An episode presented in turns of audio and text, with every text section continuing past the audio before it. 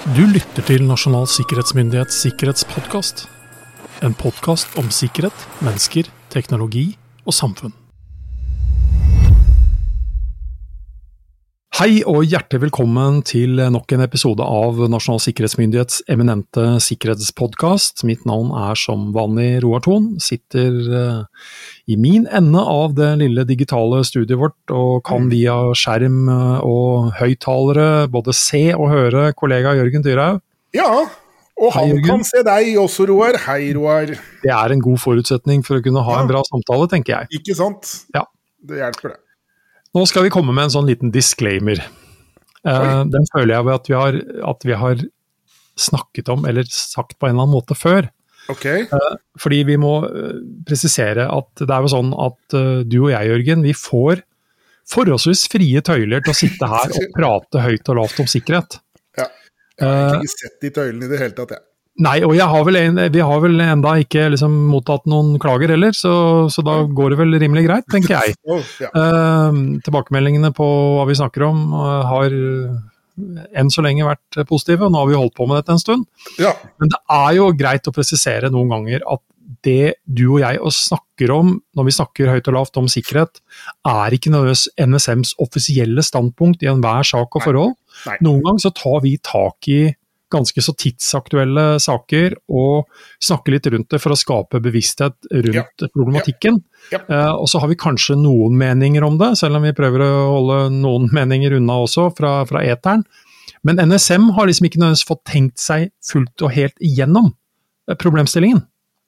Så, så ergo så må man liksom ja, ta det med ta det for det det er. Ta det for det det Eh, er, og liksom Én ting er hva vi sier, noe annet er egentlig det bildet vi kanskje prøver å tegne med Ja. det vi sier. Og det, ja. Ja, fordi som jeg har sagt før, uh, dette kunne vært gjort på en mer kjedelig måte. Vi kunne ha sittet og lest høyt fra NSMs eh, beslutninger og policyer og regelverk om ulike ting. Mhm. Lese høyt fra sikkerhetsloven. Eh, Litt rart at du sier det, du som da har gjort en liten stormkarriere, du har lese høyt fra en del av rapportene våre, men det er noe annet, Roar. Det er noe annet. er Ja, noe på en måte. Det Det er- presenteres i hvert fall på en annen måte. Ja, ja. Da er det valgfritt om man vil eh, Ja. Eh, Så, så din og min samtale er jo som vi hele tida sier til de vi har som gjester osv., det er litt som lunsjsamtalen om sikkerhet med noen gode kolleger, rett og slett. Mm. Hensikten er til syvende og sist å skape litt interesse, ta opp ting som kan bære til ettertanke. Mhm. Vise til hvor man eventuelt kan finne mer informasjon. Og noen ganger så kommer vi også med konkrete råd, hvor, øh, hvor noen av de rådene, eller Absolutt. de fleste av de rådene, er jo på mange måter det NSM har kommet med. Ja. Men denne gangen så skal vi ta opp noe som er litt mer til ettertanke. Eh, altså Ikke for å formidle et offisielt standpunkt på noen som helst måte, men for å skape litt refleksjon.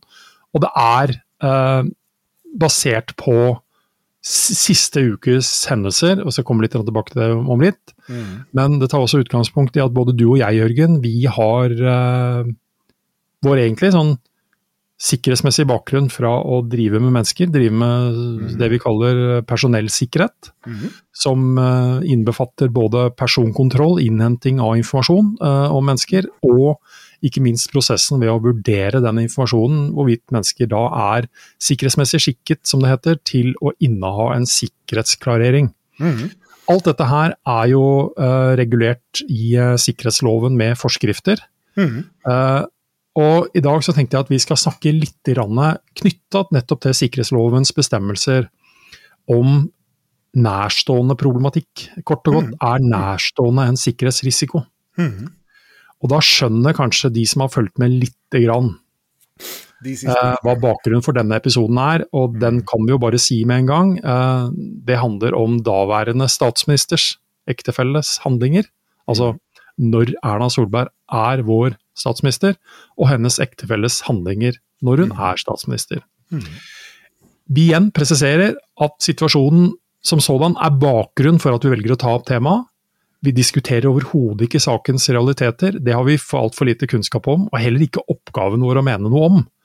Men saken i seg sjøl åpner opp for en del faglige refleksjoner, og Og ikke minst ja, spørsmål som har kommet til oss i kjølvannet av dette. Og det er vel egentlig mer de spørsmålene som er interessante her, og ikke liksom saken i seg selv. Ja, jepp, helt klart. Eh, fordi uh, vår pressevakt i Nasjonal sikkerhetsmyndighet uh, har mottatt flere henvendelser fra media, hvor vi da må bruke en del tid på å forklare grensedragningen mot sikkerhetsloven og sikkerhetsklareringer inn nettopp med dette som bakgrunnsteppe. da. Ja. Fordi Nok en gang så har flere tatt til orde for at man må, liksom må se til, man, man må se denne saken, for å kalle det en sak, så må man se til sikkerhetsloven og sikkerhetslovens krav og prosesser til sikkerhetsklarering. Mm. Og Det er ikke første gang det har vært fremme når det gjelder hendelser relatert bl.a. til stortingsrepresentanter og statsråder. Nei.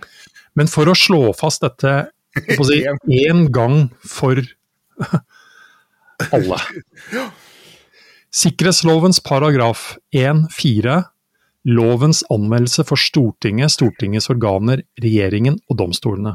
Mm. Bestemmelsen som er gitt i, og nå leser jeg da altså ordrett fra loven, og i medhold av kapittel 8, altså i sikkerhetsloven, gjelder ikke for stortingsrepresentanter, regjeringens medlemmer og dommere i Høyesterett. Mm. Kort og godt, det er ikke sånn at stortingsrepresentanter eller regjeringens medlemmer, altså les da i realiteten statsråder, Mm. og da også på toppen statsministeren, skal sikkerhetsklareres, og trenger å sikkerhetsklareres. Nei. For hvis vi bruker ren logikk, Jørgen, nå har vi akkurat hatt eh, kommune- og fylkestingsvalg. Mm. Det er da på et lavere nivå enn vi egentlig snakker om her. Jo, jo, men vi, vi kan, vi, vi, la oss bruke det bare som et, et, som et eksempel, da. Ja. Eh, kommune- og fylkestingsvalget, det er da De har forhandlet seg frem. Det er endelig på, klart hvem det er som skal sitte i det nye kommunestyret.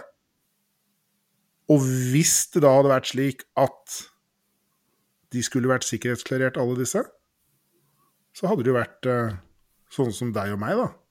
Ja. Som til syvende og sist skulle avgjort liksom tommel opp eller tommel ned. ja. Hvem blir ordfører? Hvem blir faktisk ordfører? Vent og se.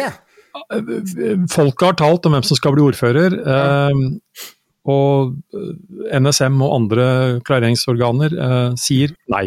Nei, sorry, men sånn ble det ikke. Det er ikke sånn, det er ikke sånn Nei, eh, nei. samfunnet vårt eh, er eh, satt opp til å fungere, for å si det sånn. Uh, gjennom valg så blir man uh, gitt tillit av folket, som det så fint heter. Ja.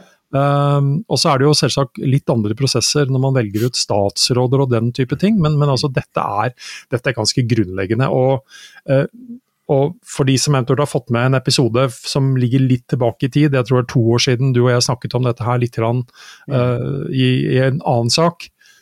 Uh, jeg håper ikke folk blir særlig overraska når du og jeg sier at dette er en myndighet vi verken ønsker oss eller skal ha. Nei, absolutt Sånn, sånn, sånn fungerer samfunnet Sånn vårt. Sånn fungerer, er nei, ja, det, det skal Ja, nei, milde himmel.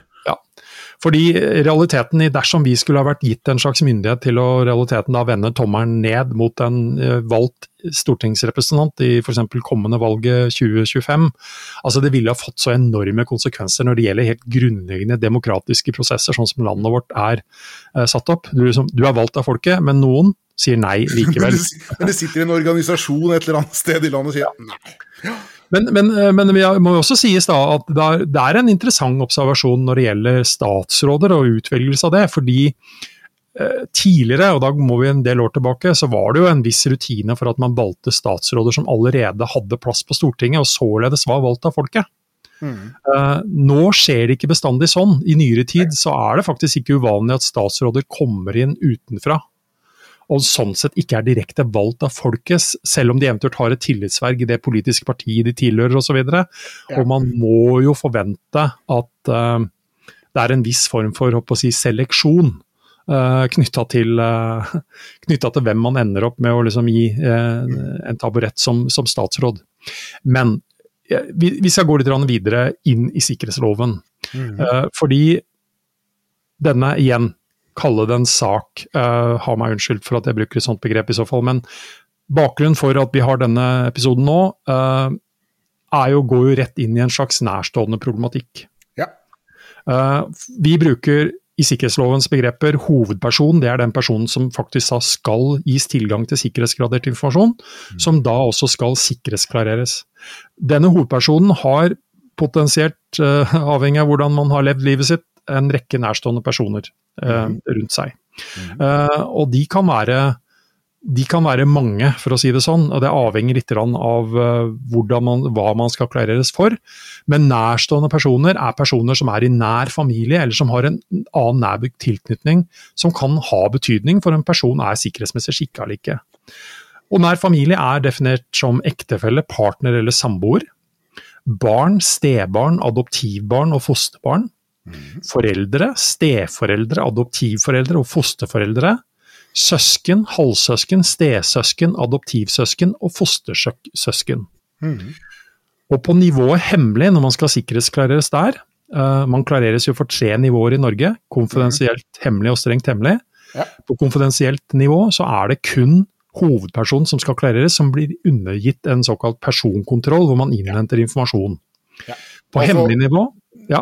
Altså nærstående for, si, Forhold ved nærstående får ikke betydning for den klarerings... Nei. Man innhenter ikke engang informasjon som sådan om nærstående. Nei. For hemmelig så er det ektefelle, partner og samboer. Mm. Nærmeste ja. ja. De nærmeste, sånn ja. sett. Uh, for strengt hemmelig, altså vårt aller høyeste nivå, så er det ektefelle, partner, samboer, foreldre, søsken og barn med alle de liksom, underkategoriene, moderne betegnelsene vi har i realiteten på ja, ja. alt fra uh, foreldre og søsken og, og barn osv., som da dukker opp. Den situasjonen betyr at det kan dukke opp informasjon om de nærstående som hovedpersonen, altså den som skal klareres, faktisk ikke er klar over. Mm. Negativ informasjon, alt ifra tidligere strafferettslige handlinger eller annen andre ting som kan være relevant, som faktisk kan ha betydning for om personen anses, altså personen som skal klareres, anses å være skikkelsmessig skikketsmessig skikkethet, mm. altså skikket for å være sikkerhetsklarert, og sånn sett gis tilgang til sikkerhetsgradert informasjon. Mm. Det høres sånn umiddelbart, tenker jeg, eh, hvis man ikke har kjennskap til dette, her, høres jo veldig urettferdig ut at noen skal noen skal på mange måter eh, få en negativ eh, avgjørelse basert på hva andre personer har gjort. Ja. For det er jo det vi egentlig sier nå. Det er det vi sier. Vi sier at risikere å Du, du får nei fordi vi ser at noe ja. annet har skjedd, og det er ikke forenlig. Det er en relasjon mellom deg og dette andre mennesket som gjør at svaret vårt blir nei. Ja. Og for å forstå det litt bedre, så må man faktisk eh, gå til Da er vi på sikkerhetslovens paragraf 8-4.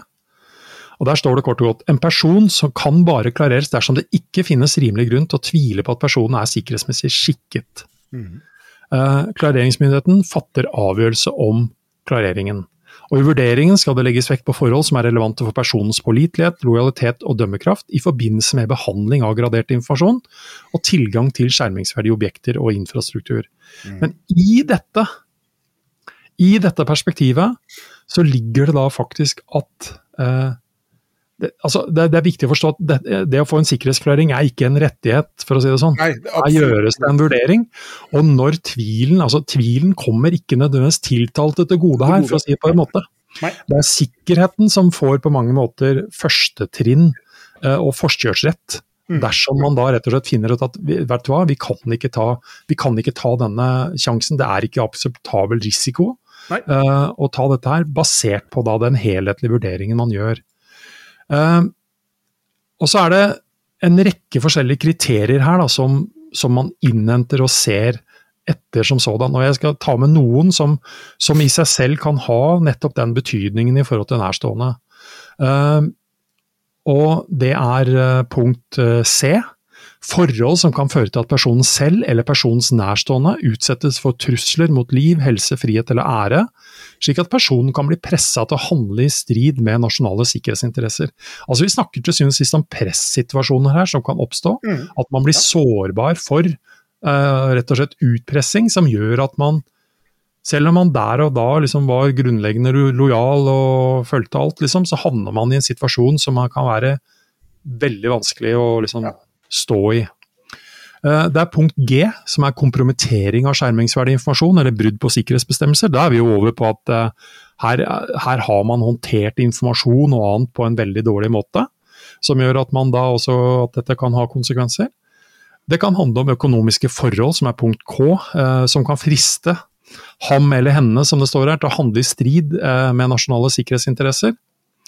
Og punkt O, som er annet som kan gi grunn til å frykte at en person ville kunne opptre i strid med nasjonale sikkerhetsinteresser. Eh, så det, det ligger en del bakenfor her som, som gjør at uh, man ikke man, i, i, en sikkerhetsmessig perspektiv da, så skiller man ikke bare på den hovedpersonen, men det er det totale bildet, den totale livssituasjonen, den totale liksom, situasjonen med alle menneskene rundt, som vurderes i en sånn Ender opp med en samla sum hvorvidt man gir denne personen tillit eller ikke. Og, og igjen, dette er betydelig mer inngripende, betydelig mer omfattende, betydelig mer i gåsehudene innholdsrikt enn det veldig mange går rundt og tror. Ja. Sikkerhetsklareringsinstituttet er jo et ganske inngripende institutt i jeg håper å si, enkeltmennesker og mellommenneskelige forhold for å gjøre en sunn og riktig sikkerhetsmessig vurdering. Mm. Det, det, er jo som du sa i sted, det, her kommer ikke tvilen uh, hovedpersonen til gode. Ikke i det hele tatt. Det, vi kan egentlig ikke gjøre feil. Fordi det er nasjonal sikkerhet som i bunn og grunn da kan være skadelidende, hvis vi da velger å gjøre en, si, i gåsehud en falsk positiv. da, Hvis vi si, sier ja til noen som ikke skulle ha, ha sagt ja. I, I, veldig mange andre sammenhenger så er det jo slik at si, sier man ja til noen som skulle hatt nei, så, så, er det noen som er litt heldige. Men si, her er det faktisk ingen som er heldige. Uh, hvis man settes i Hvis man si, får tilgang Hvis man f.eks. da blir sikkerhetsklarert, og noen ikke har gjort en korrekt vurdering av hele dette universet som da sirkler rundt uh, hovedpersonen, og så settes man i en jeg håper å si, en pressituasjon som er mer enn hva vedkommende kanskje er i stand til å håndtere. Ja. Men, men, da snakker du på mange måter om det man eventuelt har der og da, uh, den kunnskapen man har der og da. Ja, ja, og så er det jo sånn at vi som mennesker vi utvikler oss på godt og vondt over tid. Uh, vi bytter si, både partner og ektefelle og andre rundt oss også. Så, så det, det, skjer veldig mye underveis her. Men for å avrunde dette her, så er det liksom dette er et vanskelig tema. Jeg tror det også noen ganger oppleves, eh, i hvert fall jeg syns det oppleves litt vanskelig å forklare det på en god måte hvis man ikke allerede er en del av dette her. Mm. Men til syvende og sist så, så, handler dette her om tillit. Uh, du, viser du deg tilliten verdig? Altså hvor mye tillit skal man gi til den enkelte? Mm. Uh, og, og, det gjør vi jo. Det er jo tonnevis med mennesker som går rundt med, med sikkerhetsklareringer. Og i det tallet der så skal vi heller ikke bli overraska over at det, at det, noen gang kommer til å vise seg at man ikke er den tilliten verdig. For, for det skjer ting, som, som jeg sier. Men, men, åpenhet rundt de situasjonene man handler i, handler i, er også en litt sånn medisin mot at dette skal gå galt, da, for å si det på den måten. Fordi vi sier bl.a. at åpenhet knytta til eh, ting som man kanskje syns er vanskelig, stigmatiserende, flaut og hva det måtte være. Uh, åpenhet rundt de situasjonene knuser i realiteten muligheten for at dette er noe som kan brukes som bl.a. et press. ikke sant? Ja, ja. Men det betyr ikke er, katten, er katten ute av sekken, så, de, si, så, får du den ikke inn igjen. Ja, rett og slett. Ja. Men, men, men, det betyr ikke at man allikevel ikke løper den risikoen for at man allikevel må ta ansvar og konsekvensene for den situasjonen som har oppstått, selv om man da har vært åpen om det. Uh, så, så, konsekvenser uh, ligger jo der som et sånt uh, ris bak speilet. og dette åpner jo også opp for noe annet vi i NSM har ganske fokus på om dagen, og det er jo rett og slett innsideproblematikk. Mm. Uh, altså rett og slett at noen allerede er på innsiden, har informasjon. Hvorvidt de er sikkerhetsklarert eller ikke, er liksom ikke, det er ikke poenget her nå, men, men, rett og slett man har fått tillit, man har tilgang til verdier, informasjon og annet. Uh, og så er jo rett og slett spørsmålet om man kan stole på at man håndterer det på en god nok måte. Ja. Uh, både i forhold til at man kan være uaktsom, mm. og man kan selvsagt være forsettlig, at man nærmest er ute etter å ja, overlagt som sådan. Uh, og vi har hatt noen episoder om innsideproblematikk. Det, kommer, det, det ligger rapporter ute om akkurat det. Det kommer nok mer på det området òg. Mm. Fordi dette er noe vi mener krever ytterligere fokus i virksomhetene, og det trengs altså god kompetanse og rutiner for å redusere den risikoen der. Eh, så jeg tror, som alt annet sikkerhetsarbeid, eh, det er en kontinuerlig prosess. Det er ikke sånn at har vi gitt deg tillit, så har vi gitt deg den for evig og alltid. Uh, ja, og, ja, nei, og liksom Som en engangshendelse.